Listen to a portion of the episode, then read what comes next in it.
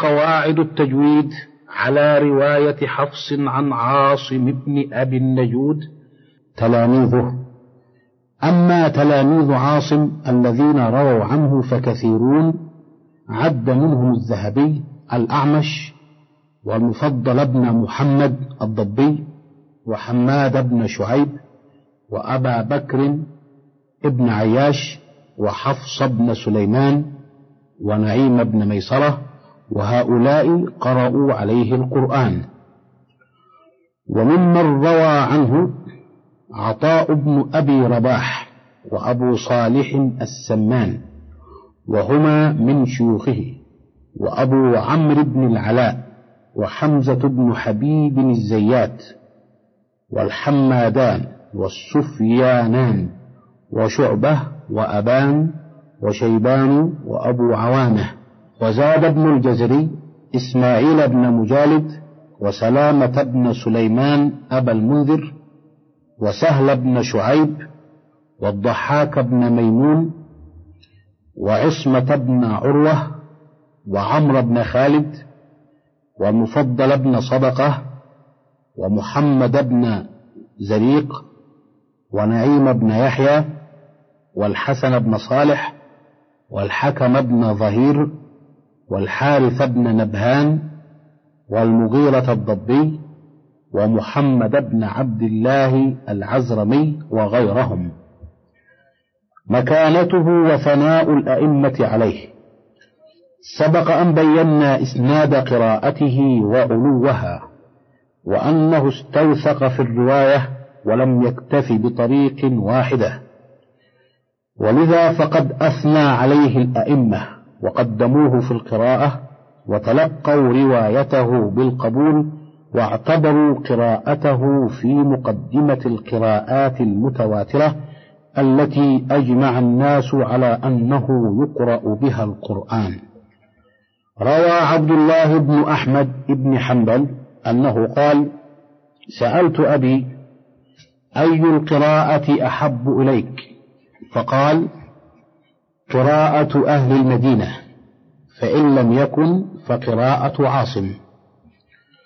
وقال أبو بكر بن عياش: سمعت أبا إسحاق السبيعي يقول: ما رأيت أحدا أقرأ من عاصم بن أبي النجود وقال أحمد بن عبد الله العجلي عاصم بن بهدلة صاحب سنة وقراءة كان رأسا في القرآن وقد تلقى الأئمة حديثه كذلك بالقبول فقال فيه الإمام أحمد صالح خير ثقة.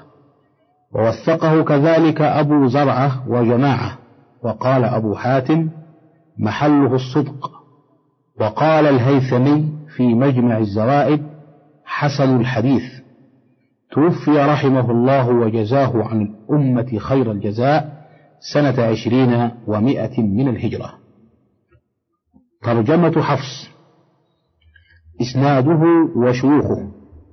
حفص بن سليمان الدوري الغاضري الأسدي. مولاهم صاحب عاصم وربيبه. أخذ عنه القراءة وأتقنها فشهد له العلماء بالإمامة فيها. قال الذهبي روى الحديث عن علقمة بن مرثد البناني وأبي إسحاق السبيعي وكثير بن زاذان ومحارب بن دثار وإسماعيل السدي وليث بن سليم وعاصم. تلاميذه. أخذ عنه القراءة عرضا وسماعا عبيد بن الصباح وأخوه عمرو بن الصباح وأبو شعيب القواس. وحمزة بن القاسم وحسين بن محمد المروزي وخلف الحداد وسليمان بن داود الزهراني وحمدان بن أبي عثمان الدقاق والعباس بن الفضل ابن يحيى ابن شاهي ابن فراس الأنباري وحسين بن محمد ابن علي الجعفي وأحمد بن جبير الأنطاكي وسليمان الفقيمي وروى عنه أيضا بكر بن بكار وآدم بن أبي إياس وهشام بن عمار وأحمد بن عبده وعلي بن حجر وعمرو الناقد وهبيرة التمار وغيرهم. ثناء العلماء عليه. أما في القراءة فيعدونه مقدما على أبي بكر بن عياش شعبة وهو الراوي الآخر عن عاصم فهو أكثر حفظا وإتقانا. ولذلك اشتهرت روايته وتلقاها الأئمة بالقبول. يقول الحافظ الذهبي وكان الأولون يعدونه في الحفظ فوق أبي بكر بن عياش ويصفونه بضبط الحروف التي قرأ بها على عاصم. وقال يحيى بن معين الرواية الصحيحة التي رويت عن عاصم رواية حفص بن سليمان. وليس ذلك بغريب فقد كان ربيب عاصم فلازم فلازمه وأتقن قراءته وكان كما قال ابن المنادي قد قرأ على عاصم مرارا. وبين حفص وشعبة من الحروف المختلف فيها خمسمائة وعشرون حرفا كما ذكر ابن مجاهد. وقد سبق أن رواية حفص ترتفع إلى علي بن أبي طالب وأن شعبة ترتفع روايته إلى عبد الله بن مسعود. وتكلم المحدثون في حديث حفص من جهة ضبطه وذلك لا يؤثر في قراءته فإنه كان متخصصا بالقراءة متقنا لها ولم يكن شأنه كذلك في الحديث. قال الذهبي في ميزان الاعتدال كان ثبتا في القراءة واهيا في الحديث لأنه كان يتقن القرآن ويجوده ولا يتقن الحديث وإلا فهو في نفسه صادق. توفي حفص رحمه الله وجزاه عن القرآن وأهله أحسن الجزاء سنة ثمانين ومائة من الهجرة. وقد قرأت القرآن بروايته على والدي رحمه الله الشيخ عبد الفتاح ابن الشيخ عبد الرحيم ابن الشيخ ملا محمود الأقور غاني عرضا وسماعا أكثر من عشر مرات. وتلقيت عنه الجزرية وقد أجازني في قراءة حفص شفاهية. وهو قرأ القرآن عرضا وسماعا بموجب الشاطبية وطرقها على شيخه الشيخ أحمد بن السيد حامد التيجي المصري الريدي وانتهى من العرض سنة ثنتين وستين وثلاثمائة وألف من الهجرة. وقد أجازه في القراءات السبع وأخبره بإسناده قائلا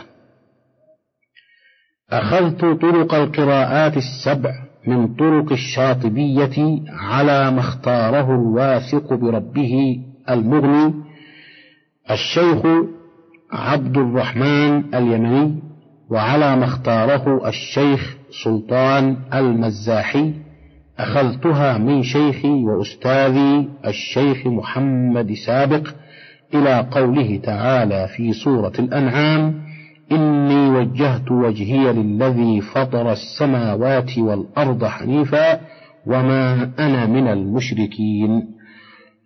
وعاقني عن إتمام الختمة موته وقد أجازني شفاهية. فاستأنفت ختمة للأئمة العشرة من طريق الشاطبية والدرة على تلميذ شيخنا المذكور الشيخ عبد العزيز كحيل شيخ القراء والمقارئ بمدينة الإسكندرية.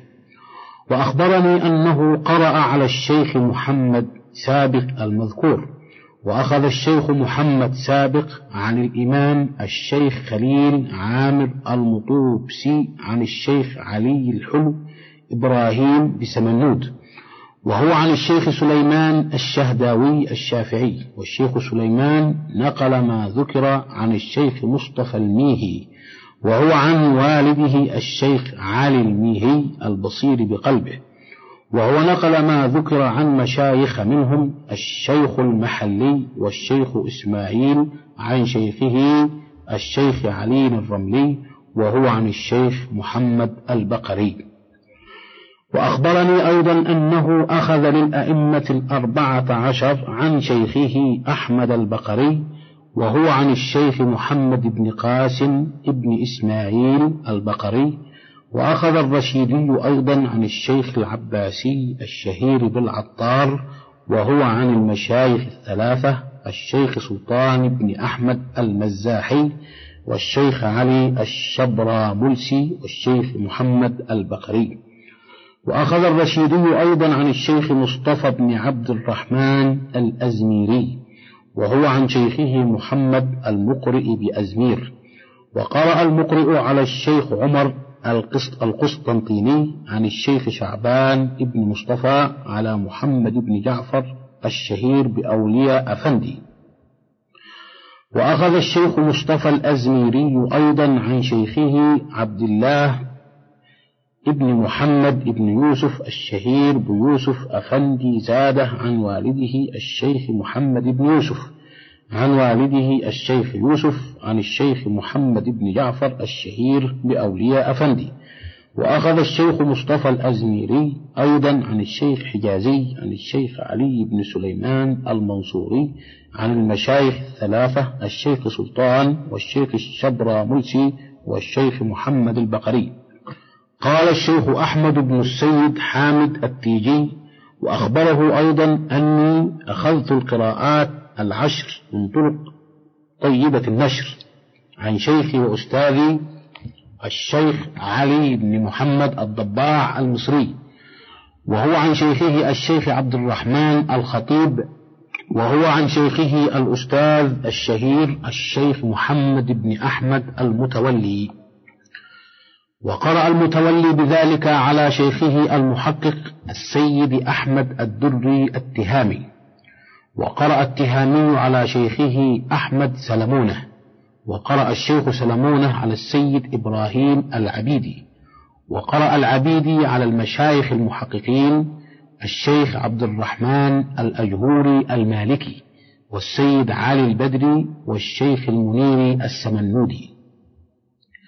أما الأجهوري فقرأ على المشايخ المحققين الشيخ عبده السجاعي والشيخ أحمد البقري المعروف بأبي السماح.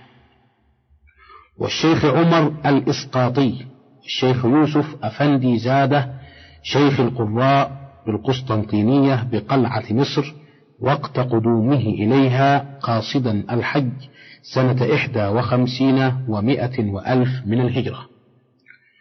وكذا على الشيخ محمد الأزبكاوي وعلى الشيخ محفوظ والشيخ عبد الله الشيماضي وقت رحلته إلى المدينة المنورة مارا بمصر سنة اثنتين وخمسين ومائة وألف. وقرأ الأزبكاوي على الشيخ محمد البقري وقرأ الشيخ محفوظ على الشيخ علي الرميلي وقرأ الرميلي على الشيخ محمد البقري وقرأ السجاعي على الشيخ أحمد البقري. وقرأ أحمد البقري على الشيخ محمد البقري. وقرأ الشيخ عبد الله الشيماضي على شيوخه بالمغرب المتصل سندهم إلى شيخ الإسلام الهبطي المشهور المتصل سنده بأبي عمرو الداني هكذا ذكروا ولعلهم تركوا تفصيل سنده لشهرته أو لإجماعهم على ثقته وعدالته. وقرأ البقري والشبرى ملسي على الأستاذ الشيخ عبد الرحمن اليمني وقرأ اليمني على والده الشيخ شحاذة اليمني إلى قوله تعالى فكيف إذا جئنا من كل أمة بشهيد الآية؟ ثم مات والده فاستأنف على تلميذ والده العلامة ابن عبد الحق السنباطي ختمة أخرى. وقرأ السنباطي على الشيخ شحاذة المذكور. وقرأ الشيخ سلطان على الشيخ سيف الدين البصير بقلبه. وقرأ سيف الدين على الشيخ شحاذة اليمني. وقرأ الإسقاطي على البدر المنير أبي النور الدمياطي. وقرأ أبو النور على العلامة الشيخ أحمد البنا صاحب إتحاف فضلاء البشر. وقرأ صاحب الإتحاف على نور الدين الشيخ علي الشبرى ملسي بسنده. وقرأ أبو النور أيضا على الشيخ سلطان بن أحمد المزاحي بسنده. وقرأ الشيخ يوسف أفندي زاده أيضا على المشايخ المحققين الشيخ محمد البقري والشيخ علي الشبراملسي والشيخ سلطان المزاحي وتقدمت أسانيدهم. وقرأ الشيخ شهاد اليمني على الشيخ محمد بن جعفر الشهير بأولياء أفندي وقرأ أولياء أفندي على شيخه أحمد المسيري المصري وقرأ المسيري على شيخه نصر الدين الطبلاوي وقرأ الطبلاوي على شيخ الإسلام زكريا الأنصاري. وقرأ الأنصاري على الشيخ أحمد بن أسد الأنبوطي. والشيخ رضوان العقبي وأبي العباس أحمد بن أبي بكر القليتائي وأبي نعيم النقير وأبي طاهر محمد بن محمد العقيلي الشهير بالنويري والإمام نور الدين علي بن محمد بن صالح المخزومي البلبيسي. وأخذ الأنبوطي والعقبي والقليتائي والنقير والعقيلي ونور الدين عن الإمام حافظ عصره ووحيد دهره أبي الخير محمد بن محمد بن محمد الجزري المقرئ الشافعي مؤلف كتاب النشر وطيبته وتقريبه. وقرأ ابن الجزري على شيوخ كثيرين بالشام. منهم شيخه شيخ مشايخ الإقراء بالشام أبو المعالي محمد بن أحمد بن علي بن حسين اللبان الدمشقي. وقرأ ابن اللبان على أبي العباس أحمد بن إبراهيم المراوي العشاب. وقرأ المراوي على أبي محمد بن عبد الله بن يوسف بن أبي بكر الشبارتي. وقرأ الشبارتي على أبي العباس أحمد بن علي بن يحيى الحصار. وقرأ ابن الجزري أيضا على الشيخ أبي جعفر أحمد بن يوسف ابن مالك الأندلسي قدم إلى دمشق في أوائل سنة إحدى وسبعين وسبعمائة. وقرأ أحمد بن يوسف على أبي الحسن علي ابن عبد العزيز الأندلسي. وقرأ أبو الحسن على أبي بكر محمد بن وضاح الأندلسي. وقرأ الحصار وابن وضاح على الإمام أبي الحسن علي بن محمد بن هذيل الأندلسي. وقرأ ابن الجزري أيضا بمضمن كتاب الشاطبية على الشيخ أبي المعالي محمد بن رافع السلامي بدمشق. وقرأ ابن رافع على الإمام إسماعيل بن عثمان العالم الحنفي. وقرأ ابن عثمان على الإمام علم الدين أبي الحسن علي بن عبد الصمد السخاوي شارح الشاطبية.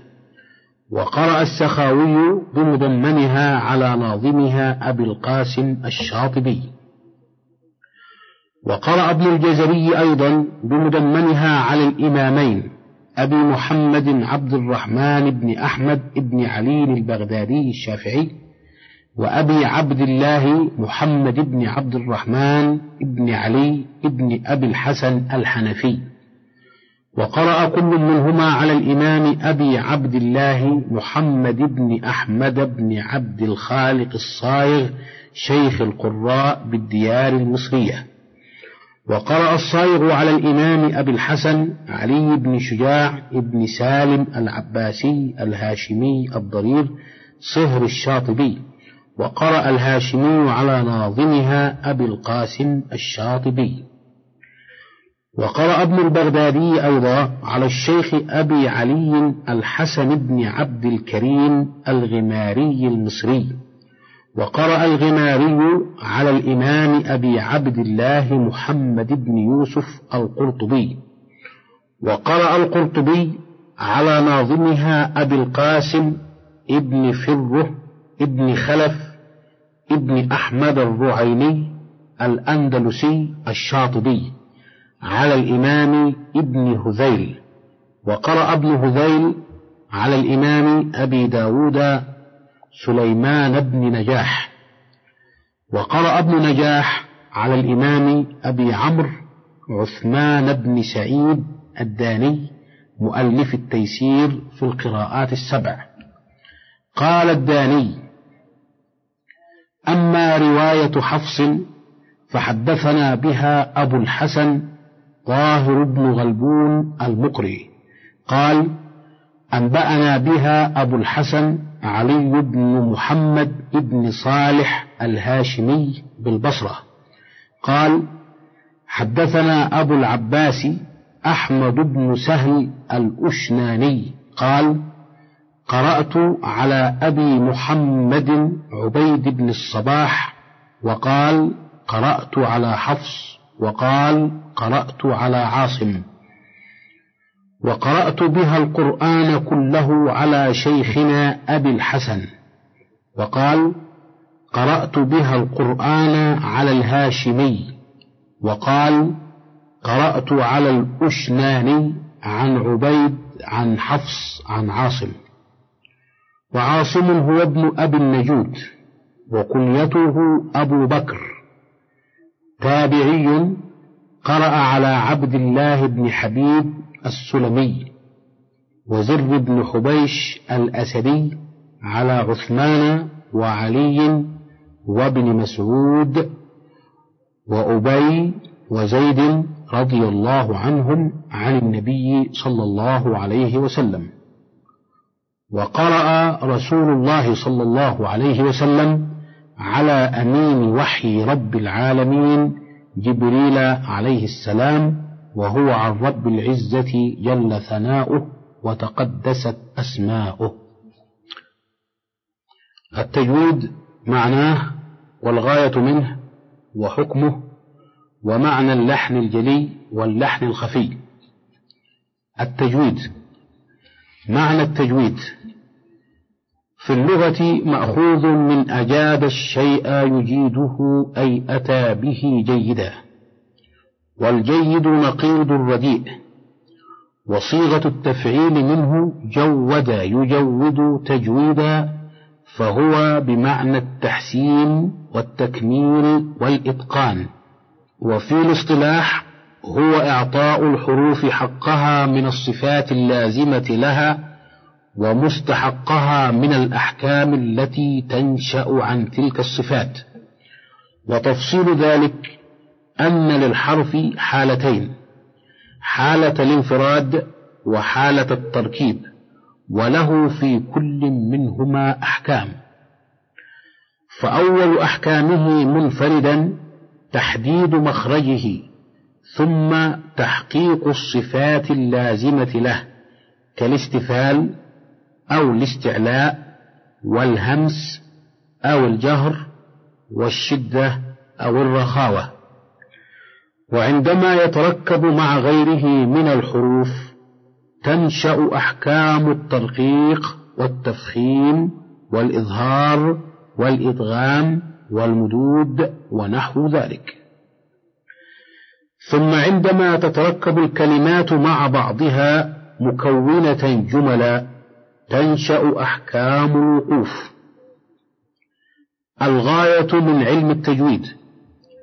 هو إتقان قراءة القرآن بالنطق بحروفه مكتملة الأحكام والصفات ومحققة المخارج من غير زيادة ولا نقصان ولا تعسف ولا تكلف.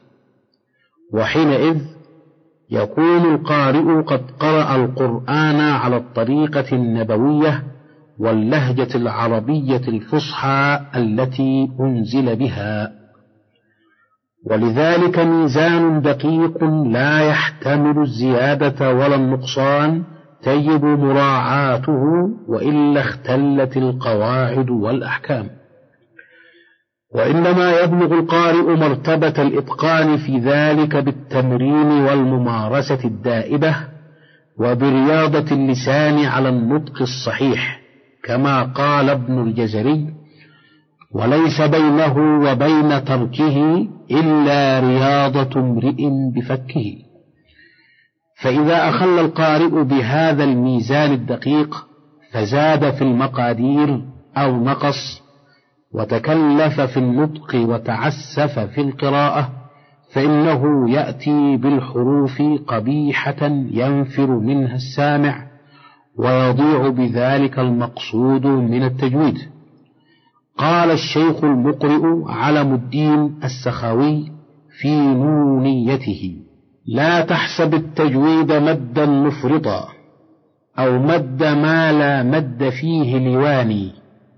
أو أن تشدد بعد مد همزة أو أن تلوك الحرف كالسكران أو أن تفوه بكلمة متهوعا فيفر سامعها من الغثيان. للحرف ميزان فلا تك طاغيا فيه ولا تك مخسر الميزان. حكم القراءة بالتجويد. قال ابن الجزري في المقدمة والأخذ بالتجويد حتم لازم من لم يجود القرآن آثم. فجعله واجبا شرعيا يأثم الإنسان بتركه وبه قال أكثر العلماء والفقهاء ذلك لأن القرآن نزل مجودا. وقرأه الرسول صلى الله عليه وسلم على جبريل كذلك وأقرأه الصحابة فهو سنة نبوية.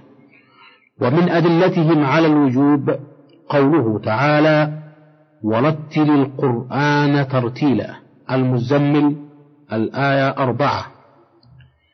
قال علي بن أبي طالب رضي الله عنه الترتيل هو تجويد الحروف ومعرفة الوقوف. هامش النشر واحد مئتين وتسعة. انتهى. ومنه قوله تعالى الذين آتيناهم الكتاب يتلونه حق تلاوته. البقرة من الآية إحدى وعشرين ومئة. فمن حق التلاوة حسن الأداء. كما أن منه العمل بالمقتضى. وقد سبق ذكر الحديث إن الله يحب أن يقرأ القرآن غضا كما أنزل. ومما يدل على وجوب تجويد القرآن ما رواه سعيد بن منصور في سننه هامش ذكره ابن الجزري في النشر بإسناده إلى سعيد بن منصور. قال حدثنا شهاب ابن خراش حدثني مسعود بن يزيد الكندي وذكر الحديث ثم قال وأخرجه الطبراني في الكبير. انتهى. أن عبد الله بن مسعود كان يقرئ رجلا فقرأ الرجل إنما الصدقات للفقراء والمساكين مرسلة. فقال ابن مسعود ما هكذا أقرأنيها رسول الله صلى الله عليه وسلم؟ فقال كيف أقرأكها يا أبا عبد الرحمن؟ فقال للفقراء والمساكين فمدها. ومثله ما أخرجه البخاري عن أنس رضي الله عنه أنه سئل عن قراءة النبي صلى الله عليه وسلم فقال كانت مدا ثم قرأ بسم الله الرحمن الرحيم يمد الله ويمد الرحمن ويمد الرحيم. ومن أصرح الأدلة على أن تجويد القرآن هو سنة النبي صلى الله عليه وسلم ما أخرجه الترمذي في سننه عن أم سلمة رضي الله عنها أنها سئلت عن قراءة النبي صلى الله عليه وسلم فإذا هي تنعت قراءة مفسرة حرفا حرفا. لكن وجوب التجويد وترتيب الإثم على تركه فيه تفصيل حسن. ذكره بعض العلماء. فقد قسموا التجويد إلى قسمين. واجب وهو ما يتوقف عليه صحة النطق بالحرف. فالإخلال به يغير مبنى الكلمة أو يفسد معناها. وذلك مثل معرفة مخارج الحروف وتحقيقها ومعرفة الصفات التي تتميز بها بعض الحروف كالاستعلاء والإطباق في الطاء وكالتفشي في الشين ومثل إظهار المظهر وإدغام المدغم وتفخيم المفخم وترقيق المرقق ومد ما يجب مده وقصر ما يلزم قصره ونحو ذلك من الأحكام المتعلقة ببنية الكلمة. فمن أخل بشيء من ذلك فقد أخل بالواجب فيأثم. وهذا القسم من التجويد يلزم كل قارئ للقرآن تحقيقه على قدر طاقته وبذل وسعه في إتقانه حتى يصحح نطقه بالقرآن ويسلم من الوقوع في التحريف والتبديل في كتاب الله. صناعي وهو ما يتعلق بالمهارة في إتقان النطق الصحيح وذلك ببلوغ الغاية في تحقيق الصفات والأحكام وضبط مقادير المدود ضبطا دقيقا لا يزيد نصف درجة ولا ينقص. بل بعض القراء يزن المدود بأدق من ذلك فيفرق بين ربع الحركة في الزيادة أو النقص ويدخل فيه مراعاة المعاني الخفية في الوقوف فإن ذلك لا يدركه إلا المهرة في فهم القرآن. وهذا القسم لا يتعلق به إخلال بالنطق ولذا لا يجب على العامة إتقانه ولا يطالبون به ولا يأثمون بتركه. لأنه من أسرار هذا العلم وخفاياه التي لا يدركها إلا المهرة فيه اللحن الجلي واللحن الخفي.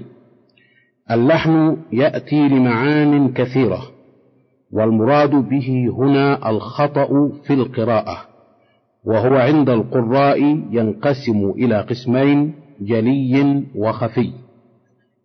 اللحن الجلي هو الخطأ الذي يطرأ على اللفظ فيخل بمبناه إخلالا ظاهرا يشترك في معرفته علماء القراءة وعامة الناس سواء أدى ذلك إلى فساد المعنى أم لم يؤدي مثل تبديل حرف بآخر أو حركة بأخرى فيضم التاء في قوله أنعمت عليهم وهذا مما يؤدي إلى فساد المعنى. أو يكسر التاء في قوله ما قلت لهم أو يفتحها. ومثال ما كان الإخلال فيه بالمبنى لا يؤدي إلى تغيير المعنى أن يضم الهاء في الحمد لله رب العالمين أو يفتح الباء في ربي.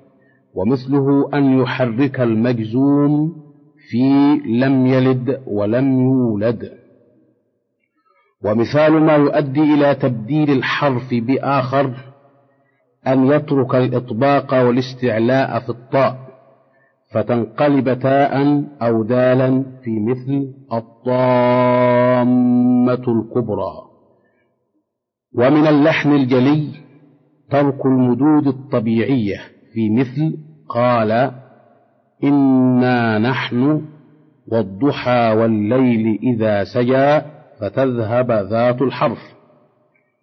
ومنه ترك الإظهار في مواضع الإظهار وترك الإدغام في مواضع الإدغام وقصر المدود الواجبة واللازمة وتفخيم ما يجب ترقيقه وترقيق ما يجب تفخيمه ونحو ذلك. ومنه الوقف القبيح الذي يكون فساد المعنى فيه ظاهرا جليا مثل أن يقف على المنفي من كلمة التوحيد فاعلم أنه لا إله إلا الله. اللحن الخفي هو الخطأ الذي يتعلق بكمال إتقان النطق لا بتصحيحه. فلا يدركه إلا أهل الفن الحذاق. ويخفى على العامة وذلك مثل عدم ضبط مقادير المدود بأن تنقص نصف درجة أو تزيد أو عدم المساواة بين مقادير المدود الواحدة في المقرأ الواحد بأن يوسط المنفصل في موضع ويقصره في الموضع الذي يليه. ومثله قلة المهارة في تحقيق الصفات وتطبيق الأحكام كزيادة التكرير في الراءات وتطمين النونات وتغليظ اللامات في غير محل التغليظ. أما ما وقع في اللحن الجلي فإنه لا تصح قراءته ولا تنبغي الصلاة خلفه ويأثم مع الإهمال. وأما من وقع في اللحن الخفي فهو أخف حكما ويعتبر في عرف المجودين مخلا بالإتقان والصلاة خلفه صحيحة. قال شيخ الإسلام ابن تيمية رحمه الله لا ينبغي لطلبة العلم الصلاة خلف من لا يقيم الفاتحة ويقع في اللحن الجلي بحيث يغير حرفا أو حركة. أما من يخطئ فيما يعتبر من اللحن الخفي ويمكن أن تتضمنه القراءات الأخرى ويكون له وجه فيها فإنه لا تبطل صلاته ولا صلاة المؤتم به. كمن قرأ الصراط بالسين فإنها قراءة متواترة. هامش انظر فتاوى الإسلام طبع الرياض بتصحيح الشيخ ابن قاسم سنة ثنتين وثمانين وثلاثمائة وألف. الجزء الثاني والعشرين صاد ثلاث وأربعين وأربعمائة والجزء ثلاثا وعشرين صاد خمسين وثلاثمائة. الباب الأول مخارج الحروف. الحروف الأصلية ثمانية وعشرون حرفا. إذا اعتبرنا الألف الممدودة اللينة فرعا عن الهمزة. أما إذا اعتبرناها حرفا مستقلا فتكون الحروف الأصلية تسعة وعشرين وعليه بعض المجودين. قال الناظم وعدة الحروف للهجاء تسع وعشرون بلا امتراء. أولها الهمزة لكن سميت بألف مجازا إذ قد صورت. وذلك أنهم يسمون كلا من الهمزة والألف اللينة ألفا ويفرقون بينهما بوصفهم للألف باللينة والممدودة والجوفية والضعيفة. على هذا القول مكي بن أبي طالب وابن الجزري ومعظم القراء ولعل الذي جعلهم يعتبرون الألف الجوفية حرفا أصليا ولم يعتبروا الواو والياء الجوفيتين كذلك أن انحصار الصوت في هذين الحرفين مشترك بين المخرجين اشتراكا منع من منع من اعتبارها حرفين مستقلين. وهناك حروف أخرى فرعية وضابطها أن كل حرف يتردد بين مخرجين. وقد عدها ابن الجزري في نشره ثمانية وهي الهمزة المسهلة بين بين أي التي ينطق بها بين الهمزة والألف أو بين الهمزة والياء أو بين الهمزة والواو. الألف الممالة أي التي ينطق بها مائلة إلى الياء. الصاد المشوبة بالزاي في مثل الصراط أصدق فإنه ينطق بها في بعض القراءات مخلوطة بصوت الزاي. الياء المشمة بالواو في مثل قيل غيض فإنه ينطق بها مخلوطة بصوت الواو. الألف المفخمة إذا وقعت مع حرف مفخم فإنها تتبعه مع أن الأصل فيها الترقيق. اللام المفخمة فإن الأصل في اللام الترقيق. فإذا فخمت قربت من الواو. النون المخفاة حيث تخلط بالحرف الذي بعدها. الميم المخفاة مثل النون وكلاهما إذا أخفيا صارا حرفين ناقصين. وكل هذه الحروف الفرعية قرئ بها في رواية حفص إلا الصاد المشوبة بالزاي فإنها رواية عن حمزة. المخرج. يراد به موضع خروج الحرف من الفم أو الحلق. وعدد المخارج على التحقيق سبعة عشر. أخرجا وهذا مذهب الخليل بن أحمد واختيار ابن الجزري.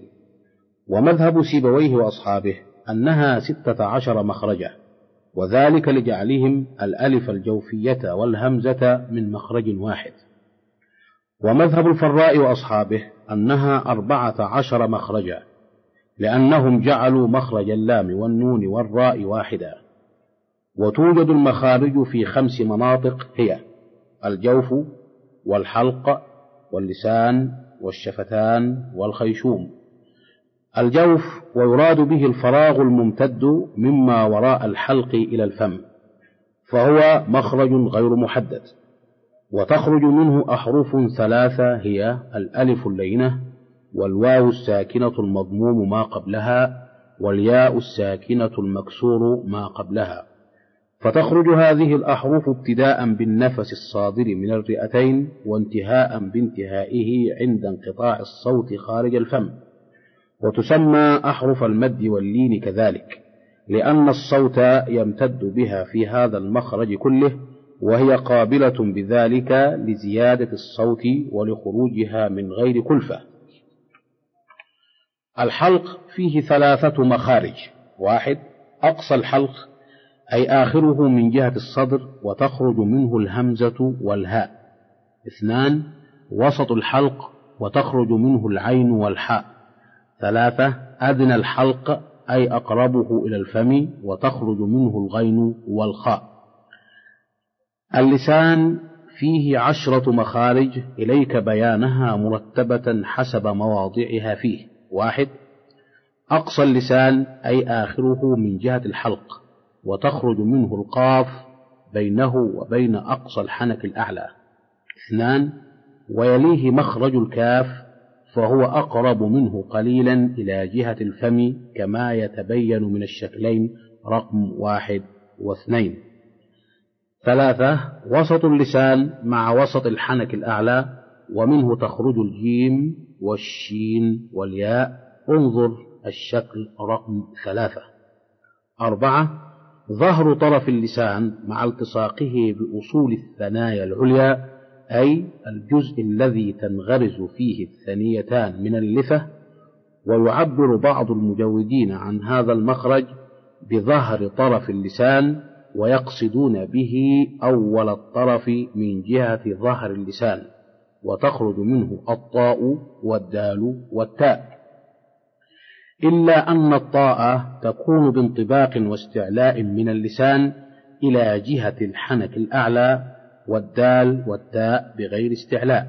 خمسة ظهر طرف اللسان أيضا ولكن مع التصاقه برؤوس الثنايا العليا وتخرج منه الضاء باستعلاء والذال والثاء بغير استعلاء. ستة طرف اللسان مع التصاقه بأصول الثنايا العليا ومنه تخرج النون. سبعة نفس المخرج إلا أنه أقرب منه إلى الظهر وبغير التصاق بالثنايا العليا ولكن يقترب طرف اللسان اقترابا شديدا منها حتى يكاد يلتصق بها وهو مخرج الراء. ثمانية رأس اللسان أي الجزء الذي يلي طرفه إلى جهة الشفتين مع اقترابه اقترابا شديدا من أصول الثنايا حتى يكاد يلتصق بها غير أنه تبقى فرجة صغيرة يمر منها الهواء والصوت ومنها تخرج الصاد والزاي والسين إلا أن الصاد مع استعلاء من اللسان إلى جهة الحنك الأعلى والزاي والسين بغير استعلاء. تسعة حافة اللسان أي أحد جانبيه مع ما يليه من الأضراس العليا. فيمكن إلصاق الحافة اليمنى بما يليها من الأضراس أو الحافة اليسرى بما يليها كذلك. ويمكن إلصاق كلتا الحافتين بكلا الجانبين من الأضراس ومن هذا المخرج تخرج الضاد وهو أصعب المخارج. وحكى أبو شامة أن عمر بن الخطاب كان يخرج هذا الحرف من الحافتين. عشرة الحافة الأمامية من اللسان ويبدأ هذا المخرج من أدنى حافة الضاد إلى منتهى الحافة من الأمام مما يحاذي الأسنان أي الثنيتين والنابين والرباعيتين. فتلتصق هذه الحافة بصفحة هذه الأسنان من الداخل ومنها تخرج اللام وهو أوسع المخارج. وذكر الداني أن مخرج اللام يتحقق بإلصاقه الحافة بما يليها من الثنايا فحسب. ولكن لما كان القارئ يبسط الحافة عند نطقه باللام لما فيها من الانحراف حتى يكاد مخرجها يتصل بمخرج الراء توهموا أن المخرج يشمل ذلك كله. وقد سبق أن الفراء يرى أن مخرج اللام والنون والراء واحد وهو طرف اللسان مع التصاقه بأصول الثنيتين. وبالتأمل نلحظ أن هذه الأحرف قريبة قربا شديدا في المخارج. انظر الشكل رقم اثني عشر. الشفتان فيهما مخرجان واحد بطن الشفة السفلى مع التصاقه برأسي الثنيتين ومنه تخرج الفاء ولكن الالتصاق يجب ألا يكون محكما بحيث يسمح بمرور الهواء منه. اثنان ما بين الشفتين وتخرج منه الواو بغير انطباق والميم والباء بانطباقهما فيهما. الخيشوم وهو أعلى الأنف وهو مخرج الغنة والغنة صفة ولكن لما استقلت بمخرجها ذكرت في هذا الباب فإن مخرجها هذا مستقل عن مخرج موصوفها وهي صفة لحرفين النون والميم. وتكون مظهرة في حالة الإدغام والإخفاء والتشديد. الأسنان لما كانت الأسنان وثيقة العلاقة بالمخارج ناسب أن نذكر فصلا موجزا عنها فالأسنان عددها في فم الإنسان عند اكتمال النمو اثنتان وثلاثون سنا مقسمة كما يلي. ألف الثنايا أربع في كل فك اثنتان. باء الرباعيات أربع في كل فك اثنتان. جيم الأنياب أربع في كل فك اثنتان. دال الضواحك تلي الأنياب وهي أول الأضراس وهي أربع في كل فك ضاحكان. هاء الطواحين تلي الضواحك وهي اثنا عشر طاحنا في كل فك ست. واو النواجذ آخر الأضراس وهي أربع في كل فك ناجذان. الباب الثاني صفات الحروف.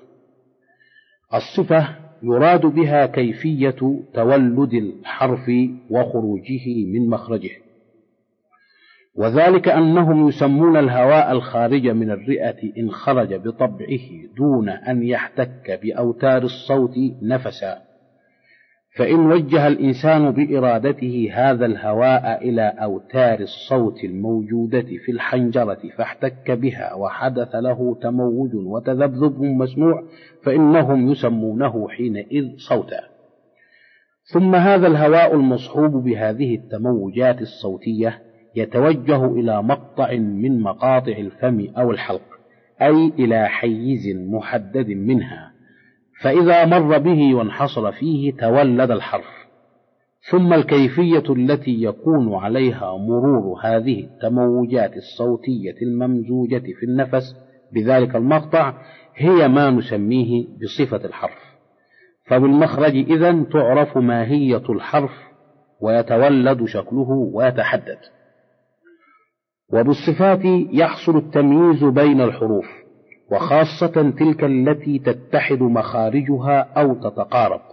كالطاء والتاء مثلا فإنهما حرفان متحدان في المخرج ولولا الإطباق والاستعلاء في الطاء دون التاء لما استطعت التمييز بينهما.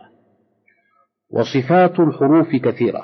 ذكر مكي بن أبي طالب في الرعاية أربعا وأربعين صفة وذكر ابن الجزري في التمهيد أربعا وثلاثين صفة لكنه اقتصر في المقدمة على أشهرها وأهمها وهي سبع عشرة صفة تنقسم إلى قسمين. ألف صفات لها الضاد وهي واحد الجهر وضده الهمس. اثنان الشدة وضدها الرخاوة. ثلاثة الاستعلاء وضده الاشتفال. أربعة الانطباق وضده الانفتاح. خمسة الإصمات وضده الإذلاق. باء صفات ليس لها الضاد وهي. واحد الصفير. اثنان القلقلة. ثلاثة اللين. أربعة الانحراف. خمسة التكرير. ستة التفشي. سبعة الاستطالة. وإليك بيان هذه الصفات بالتفصيل. واحد الهمس هو في اللغة الصوت الخفي ويراد به في اصطلاح التجويد جريان النفس في مخرج الحرف عند النطق به فيكون الصوت حينئذ خفيا ضعيفا لضعف انحصاره في المخرج وحروفه عشرة جمعها ابن الجزري في قوله فحثه شخص سكت. اثنان الجهر. هو ضد الهمس أي انحباس النفس في المخرج عند النطق بالحرف فيكون انحصاره فيه قويا ولذلك يصدر الصوت من المخرج مجهورا واضحا قويا وحروفه هي ما سوى حروف الهمس. ثلاثة الشدة في اللغة القوة. ويراد بهذه الصفة في الاصطلاح انحباس الصوت في المخرج.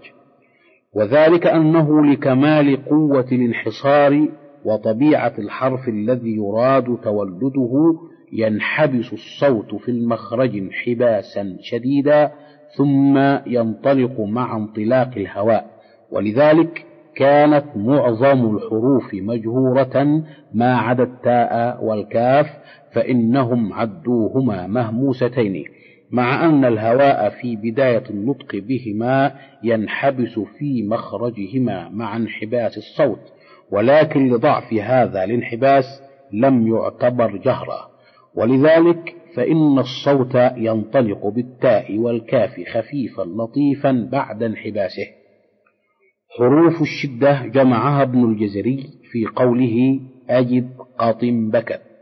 أربعة الرخاوة هي ضد الشدة. فيراد بها جريان الصوت في مخرج الحرف وذلك لضعف انحصار الصوت فيه وحروفها ما سوى حروف الشدة والتوسط ولا يلزم من جريان الصوت في الحروف الرخوة أن يجري النفس فيها أيضا. فالضاد مثلا حرف رخو مجهور وكذلك الضاء والغين. خمسة التوسط أي بين الرخاوة والشدة ويسميها بعضهم البينية وحروف هذه الصفة خمسة مجموعة في قولهم لن عمر. وذلك أن هذه الحروف توسطت في طبيعتها بين أن تكون شديدة محضة أو رخوة محضة بل كانت درجة رخاوتها ضعيفة بحيث قربت من الشدة. ستة الاستعلاء في اللغة الارتفاع ويراد به في اصطلاح التجويد ارتفاع جزء كبير من اللسان أو معظمه عند النطق بالحرف وحروفه سبعة مجموعة في قولهم خص ضغط قض وأعلى درجاته في الصاد والطاء والضاد والضاء فيرتفع معظم اللسان عند النطق بها. ثم يكون أقل في القاف والخاء حيث يرتفع أقصى اللسان أي الجزء الذي يلي الحلق ثم يكون أضعف في الغين. سبعة الاستفال في اللغة الانخفاض وهو في التجويد بعكس الاستعلاء أي انخفاض جزء كبير من اللسان أو معظمه عند النطق بالحرف وحروفه ما عدا حروف الاستعلاء. وإذا نطقت بالحرف المستعلي فإن الصوت يتضخم نتيجة لارتفاع اللسان وهو ما يسمونه بالتفخيم. أما إذا نطقت بالحرف المستفل فإنك ترقق الصوت نتيجة لانخفاض اللسان وهذا هو ما يسمونه بالترقيق. ثمانية الانطباق وذلك أن تزيد درجة الاستعلاء في أربعة أحرف. هي الصاد والضاد والطاء والظاء حتى يكاد اللسان ينطبق على الحنك الأعلى وينحصر الهواء بين اللسان والحنك انحصارا يجعل الصوت في هذه الأحرف قويا. وأقوى درجاته في الطاء لارتفاع درجة الإطباق فيها ثم في الضاد ثم في الصاد ثم أضعفه في الضاء. تسعة الانفتاح في سائر الحروف الباقية إما لضعف درجة الاستعلاء فيها وذلك في الغين والخاء فإنهما لا إطباق فيهما وهما حرفان مستعليان وإما لكونها حروفا مستفلة فيبتعد اللسان عند النطق بها عن الحنك الأعلى تاركا فتحة يمر منها الهواء والصوت. عشرة الإصمات. هو في اللغة المنع. يقال أصمته فصمت أي منعه فامتنع. ومنه الصمت أي الامتناع عن الكلام. أما المراد بالإصمات في الاصطلاح فقد نقل ابن الجزري عن ابن دريد قال الحروف المصمتة حروف منعت أن تختص ببناء كلمة في لغة العرب. إذا كثرت حروفها وذلك لاعتياصها أي صعوبتها على اللسان فهي حروف لا تنفرد بنفسها في كلمة أكثر من ثلاثة أحرف. ويمكن بناء على ذلك أن يقال إن الإصمات هو امتناع انفراد الحروف المصمتة أصلية في الكلمات الرباعية والخماسية. وشرح ذلك أن كل كلمة مكونة من أربعة أو خمسة أحرف أصلية يمتنع أن تكون فيها هذه الأحرف كلها مصمتة. لا بد أن يوجد معها شيء من الحروف المزلقة فإذا وجدت كلمة رباعية أو خماسية غير مزيدة وليس فيها حرف مزلق فذلك من الأدلة على عجمتها في الغالب مثل عسجد إسحاق. وإنما امتنع بناء الكلمات الرباعية والخماسية دون أن يدخل في تركيبها حرف مزلق لأن العرب كانوا يلجؤون إلى كل يسير سهل في النطق والحروف المزلقة كذلك. ومن أجل ذلك سميت مزلقة من الذلاقة بمعنى السهولة والطلاقة. فالحروف المزلقة سهلة المخارج لطيفة الصفات بخلاف الحروف المصمتة فإنها أصعب منها مخرجا وصفات. أحد عشر. والحروف المزلقة هي الفاء والراء والميم والنون واللام والباء. جمعها ابن الجزري في قوله فر من لبي وقالوا في تعريف الإزلاق إنه خروج الحرف بسهولة ويسر. هذه هي الصفات المتضادة ومجموعها عشر صفات. إذا لم نحسب التوسط يضاف إليها الصفات السبع الآتية فيصير مجموع الصفات سبع عشرة صفة. واحد الصفير يراد به الصوت الزائد الذي يشبه الصفير ويخرج عندما تنطق بالصاد أو الزاي أو السين. ودرجة الصفير أقوى في الصاد ثم في الزاي وأضعف في السين. اثنان القلقلة. في اللغة الحركة والاضطراب. ويراد بها هنا تحريك المخرج والصوت بعد انضغاطهما وانحباسهما. وذلك أنك أولا تحبس الصوت في المخرج حتى ينضغط فيه انضغاطا شديدا. ثم تفك المخرج فكة سريعة فينطلق الصوت محدثا نبرة قوية وهزة في المخرج. هذه النبرة هي القلقلة. وحروفها خمسة مجموعة في قولهم قطب جد. فإذا تأملت هذه الحروف المقلقلة وجدتها كلها شديدة مجهورة. لما علمت من أنه لا بد قبل القلقلة من انحباس الصوت والهواء فيها. وأقوى درجات هذه الصفة في الساكن إذا وقفت عليه وهي مختفية في المتحرك ضمن الحركة وهي أقوى في القاف ثم في الطاء ثم في الجيم ثم في الباء والدال.